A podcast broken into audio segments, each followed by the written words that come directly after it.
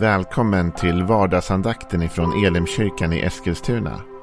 Det här är en podcast som kommer ut måndagar till fredagar. Om du vill veta mer om vilka vi är, vad vi tror på, hur du kan komma i kontakt med oss eller vad vi kan erbjuda dig för någonting så gå in på www.elimkyrkan.com. Får jättegärna gå in och likea vår Facebook-sida. Det är facebook.com elimeskilstuna. Eller så söker du upp oss på YouTube och då söker du på Elimkyrkan Eskilstuna. Vi vill jättegärna komma i kontakt med dig.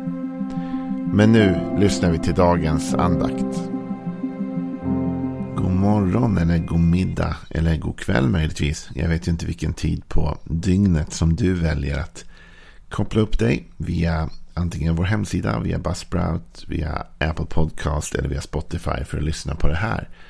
Men vad roligt att just du tar lite tid av din dag att hänga med oss. Jag heter Joel Backman och jobbar som pastor då i Elimkyrkan i Eskilstuna.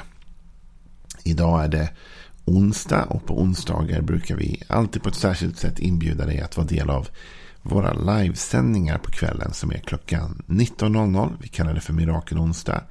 Och du hittar det via elimkyrkan.com kan du gå in. Hittar du både en länk till vår YouTube-kanal och vår Facebook-sida. Där vi livesänder ikväll klockan 19. Och det är en stund av bön och lovsång där du kan vara med. Och skriva in dina bönämnen och dela. Liksom det blir lite relationellt på det sättet. Interaktivt. Interaktiv ska också vår relation med Jesus vara. Och Jesus är det vi sätter fokus på den här veckan i vardagsandakten. Då vi talar om saker som Jesus säger. Jag tycker att det är ett ganska intressant tema. Vad är det egentligen Jesus förmedlar till dig och mig? Vad är det för budskap han kommer med till oss? Igår så talade vi om att Jesus säger hej. Och att Jesus alltså är intresserad av att eh, initierar initiera en relation, en kontakt med dig och mig. Att han står vid vårt hjärtas port och dunkar och säger att den som hör min röst kan öppna och bjuda in mig. Så ska vi ha en relation med varandra. Och likadant så såg vi att han bjöd sig in till Sackeus och så vidare. Idag så vill jag fokusera på något annat som Jesus säger. Och jag tänkte jag skulle göra det genom att läsa en berättelse ur Matteus evangeliet om två män som kommer i kontakt med Jesus. Och vad är det han säger till dem? Vi läser från Matteus 20, vers 29. När de var på väg ut ur Jeriko följde mycket folk med honom. Två blinda satt där vid vägen och när de fick höra att Jesus gick förbi ropade de Förbarma dig över oss, Herre Davids son. Folket sa åt dem strängt att vara tysta, men de ropade bara ännu högre. Förbarma dig över oss, Herre, Davids son. Jesus stannade och kallade till sig dem och frågade Vad vill ni att jag ska göra för er? De svarade honom Herre, öppna våra ögon.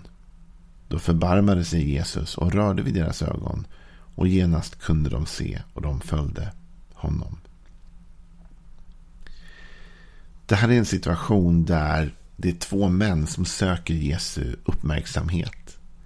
I det här fallet är det inte Jesus som först kommer fram till dem, utan det är de som först ser Jesus.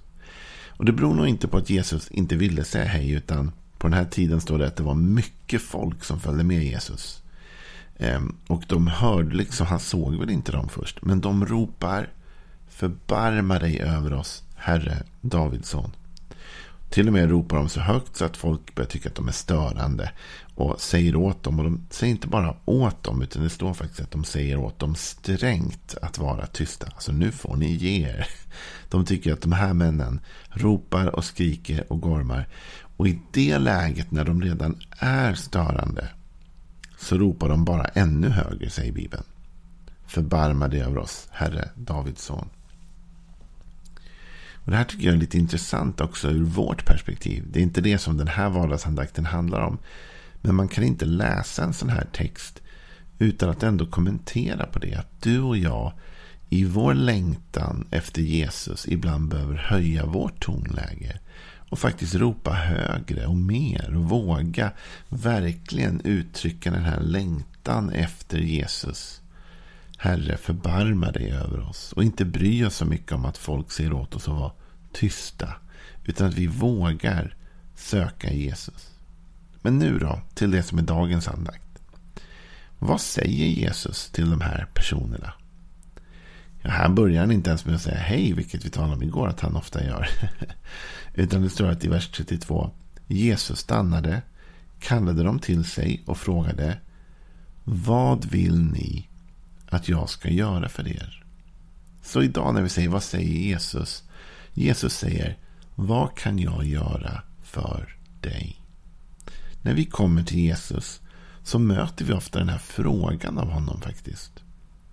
Han ställer en fråga till oss och frågan är vad vill ni att jag ska göra för er? Vad förväntar ni er att kunna få av mig för någonting egentligen? Och de svarar Jesus, Herre, öppna våra ögon för de var blinda. Och då står det att Jesus förbarmar sig, rör vid deras ögon och genast kunde de se och de följde honom. Med andra ord, Jesus möter deras längtan. Vad vill ni att jag ska göra för er? Det kan tyckas vara en provocerande fråga. Vet inte Jesus? Känner inte Jesus till mina behov? Ändå tycks det som när vi läser Bibeln att vi behöver sätta ord på saker och ting. Och att vår bön behöver få uttryck. Det är väl John Wesley som har sagt de ökända orden att det tycks inte som att Gud kan göra någonting på jorden om inte någon ber honom om det. Det tycks inte som att Gud kan göra något på jorden om ingen ber honom om det. Alltså det här är en direkt avgörande fråga. Vad vill ni att jag ska göra för er? Den frågan vill jag plantera som ett frö i ditt hjärta idag. Från, inte från mig, utan från Jesus. Att Jesus frågar dig den här onsdagen. Vad kan jag göra för dig? Vad är det du vill att jag ska förändra i ditt liv?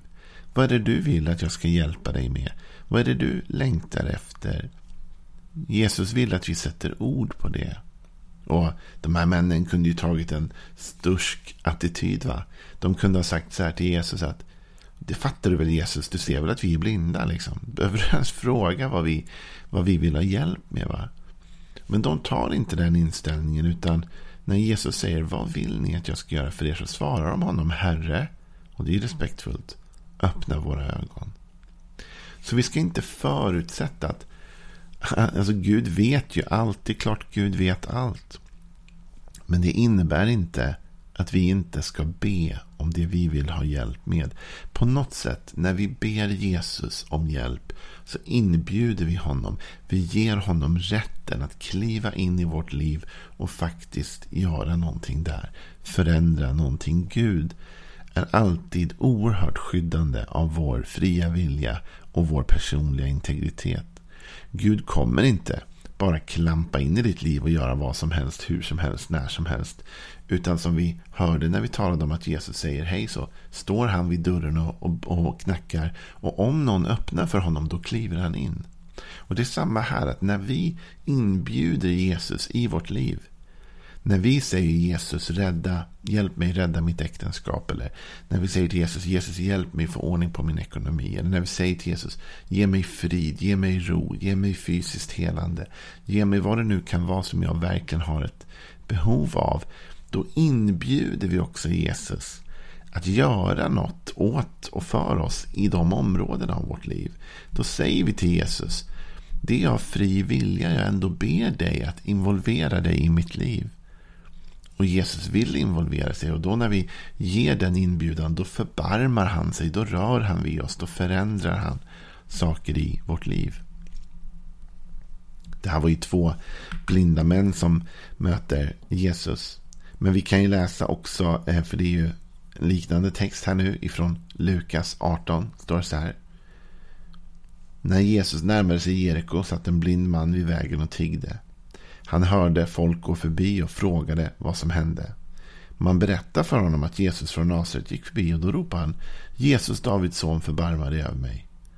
De som gick främst sa åt honom att vara tyst men han ropade ännu mer. Jesus stannade och befallde att mannen skulle ledas fram till honom. Och när han kom närmare frågade Jesus. Vad vill du att jag ska göra för dig? Han svarade, Herre, gör så att jag kan se igen. Och Jesus sa till honom, du får din syn. Din tro har frälst dig. Och genast kunde han se och han följde Jesus och prisade Gud och allt folket såg det. Allt folk som såg det prisade Gud. Det finns ett par saker. Det är en snarlik, nästan identisk berättelse av Lukas. Men det finns ett par perspektiv som lyfts fram på ett annat sätt i den här texten. Och det är samma fråga från Jesus. Vad vill du att jag ska göra för dig då i det här fallet? Och han säger, gör så att jag kan se igen. Då säger Jesus två saker som är avgörande tror jag för dig och mig. Det första är, du får din syn. Med andra ord, han får det han bad om. Du får din syn. Mannen bad om syn och Jesus säger, du får den. Du vet, ibland är det så här att du och jag har inte det som vi vill i livet. Därför vi inte har vågat fråga Jesus om det. Jakob säger faktiskt i sitt brev så här. Ni har inte därför att ni inte ber. Du vet att du och jag inte sätter ord på saker vi önskar av Gud blir ett hinder. Vi måste våga uttrycka vad det är vi vill ha av Jesus. Så Jesus säger till oss, vad vill du att jag ska göra för dig? Och Det säger han inte bara till den här mannen, eller, utan det säger han till dig som lyssnar idag. Var du än lyssnar i världen, eller i Sverige, så säger Gud till dig, Jesus säger till dig idag, vad vill du att jag ska göra för dig? Och om du berättar det för Jesus, då kanske du får samma svar som den här mannen. Du får din syn. Eller du får någonting vad den är som du har bett om. Det andra är att Jesus säger din tro har frälst dig eller då räddat dig. Vad är det för tro? Jo, men du vet, det vi ber Jesus om vittnar om vår tro på honom. Och jag hörde en ganska intressant eh, liknelse en gång av en man i en predikan. Och jag har inte kommit på den själv utan jag, jag hörde den berättas. att Det var en kung då i ett stort, stort rike. Som då och då tog emot folket. Då. De fick göra sina önskningar kända inför honom. De fick liksom ge en plädering för något de ville eller så. Och helt plötsligt en dag så kommer det fram en man och ställer sig framför kungen och säger så här. Men jag önskar att få halva riket. Jag önskar att få det här och det här området och att du skulle ge det till mig. Och vakterna som står runt kungen de börjar skratta lite grann. Tänker vad det är för idiot som, som kommer fram. Och han skulle få se när han blir utkastad. Men kungen säger ge honom det. Och då vakterna blir helt, vad säger du för något? Ja men ge honom det han bad om. Varför? Storheten av hans fråga hedrade mig, säger kungen. Alltså, Poängen är att kungen kände sig hedrad av att mannen frågade om något så stort. Varför? Därför det innebar ju att han trodde att kungen kunde ge honom något så enormt stort. Du vet, ibland när vi kommer till Jesus så tror jag att vi skulle våga be böner som hedrade Gud lite grann. För när vi ber till Gud och säger Jesus, rädda mitt äktenskap eller hjälp mig rädda det. Då säger vi också till Gud, jag tror att du kan förändra den här situationen. När vi säger till Gud, Gud hjälp mig reda ut min ekonomi och få pengar på banken extra och allt vad det kan vara. Då säger vi också till Gud, jag tror att du kan göra det här. När vi säger till Jesus, Jesus jag har ont i min kropp och idag vill jag be att du ska hela min kropp. Då säger vi också till Jesus, jag tror att du kan hela min kropp. Med vår bön så uttrycker vi vår tro. Om vi ständigt ber små böner till Gud så vittnar de om en liten tro på Gud. Men om vi ber stora böner till Gud så vittnar de om en stor tro på en stor Gud. Och Jag skulle vilja utmana dig idag att våga be större böner till Gud än vad du har gjort hittills. Och Då kanske du tänker, men vad får man be Jesus om? Finns det begränsningar i detta? Och Då vill jag läsa från Filipperbrevet kapitel 4 vad Paulus säger där. För där säger han i den sjätte versen. Bekymra er inte för något, utan låt Gud få veta alla era önskningar genom bön och åkallan med tacksägelse. Tänk, bekymra er inte för något. Och så säger han, låt Gud få veta vad? Alla era önskningar.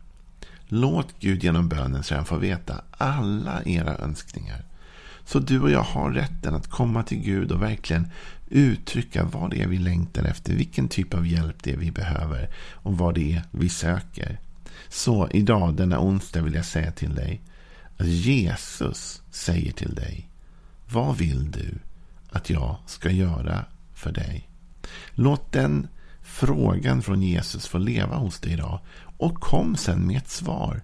Säg till Jesus, dela med dig till Jesus av vad det är du längtar efter och låt bönen bli stor och låt bönen bli utmanande därför Gud är en stor Gud och han kan nog mer än nog ta sig an din utmaning och hjälpa dig med det du behöver hjälp med i ditt liv. Så idag säger vi att Jesus frågar vad vill du att jag ska göra för dig?